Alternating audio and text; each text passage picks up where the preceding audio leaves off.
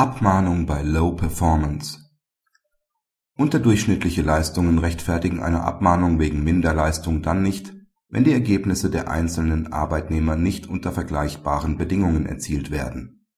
Der Arbeitnehmer ist als Agenturleiter in einem Versicherungsunternehmen beschäftigt. Die vom Arbeitgeber vertriebenen Produkte werden hinsichtlich ihrer Zahl und Werthaltigkeit in sogenannten Nettowerteinheiten (NWE) gemessen. In der Zeit vom April 2005 bis März 2006 erwirtschaftete der Arbeitnehmer insgesamt 962 NWE. Der Durchschnitt anderer Agenturleiter im selben Zeitraum beläuft sich auf 2474 NWE. Der Arbeitgeber erteilt dem Arbeitnehmer aus diesem Grund eine Abmahnung wegen Minderleistung von den 45 Agenturleitern haben 27 den Durchschnitt unterschritten, 17 davon um mehr als ein Drittel. Dabei erzielte der Agenturleiter mit dem geringsten Erfolg 329 NWE, während der höchste Wert 6200 NWE betrug. Der Arbeitnehmer hält die Abmahnung für unberechtigt und klagt auf Entfernung aus der Personalakte. Nach Auffassung des BAG ist die Abmahnung unwirksam Sie ist allerdings nicht allein deshalb aus der Personalakte zu entfernen, weil sie keine konkreten Einzelverpflichtungen des Arbeitnehmers bezeichnet, denn bei einer qualitativen Minderleistung ist für den Arbeitgeber regelmäßig nur schwer ersichtlich, auf welchen Umständen sie beruht. Das gilt besonders bei Außendienstmitarbeitern im Vertriebsbereich.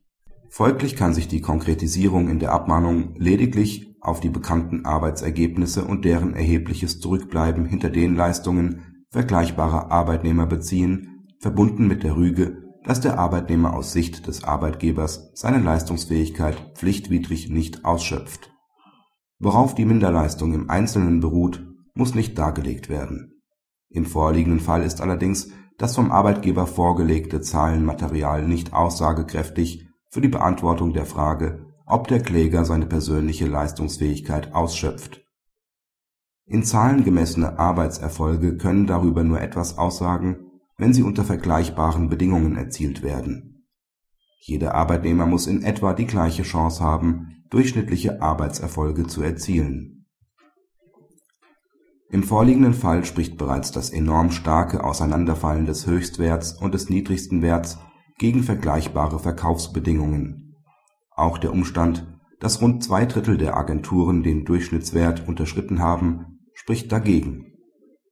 Da der Verkauf von Versicherungsverträgen vom Standort der Agentur, ihrer personellen Ausstattung und der Finanzkraft der erreichbaren Kundschaft abhängt, hätte der Arbeitgeber im Einzelnen erläutern müssen, warum die von ihm vorgelegten Zahlen dennoch aussagekräftig sind.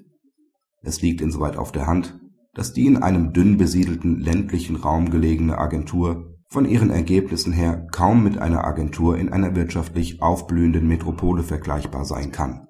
Praxishinweis Das Urteil reiht sich nahtlos in die bisherige Rechtsprechung des BAG zur Kündigung bei Low Performance ein. Gerade im Bereich des Außendienstes steht für viele Unternehmen aufgrund des vorherrschenden Vertriebsdrucks ein besonderes Bedürfnis, Minderleistungen abzumahnen oder entsprechende Arbeitsverhältnisse zu kündigen nach den strengen Vorgaben der Rechtsprechung ist das allerdings keine leichte Aufgabe. Denn im Außendienst werden die Bedingungen, unter denen die einzelnen Mitarbeiter arbeiten, häufig nur schwer vergleichbar sein. Offen ist insbesondere, inwieweit die vertriebsrelevanten Umstände wie die Größe des Vertriebsgebiets und die Zahlungskraft der Kunden bei der rechtlichen Beurteilung zu bewerten bzw. abzuwägen sind. Größeres Vertriebsgebiet gleicht zahlungsschwache Kundschaft aus und umgekehrt die Trennung von leistungsschwachen Mitarbeitern ist mit der vorliegenden Entscheidung jedenfalls nicht einfacher geworden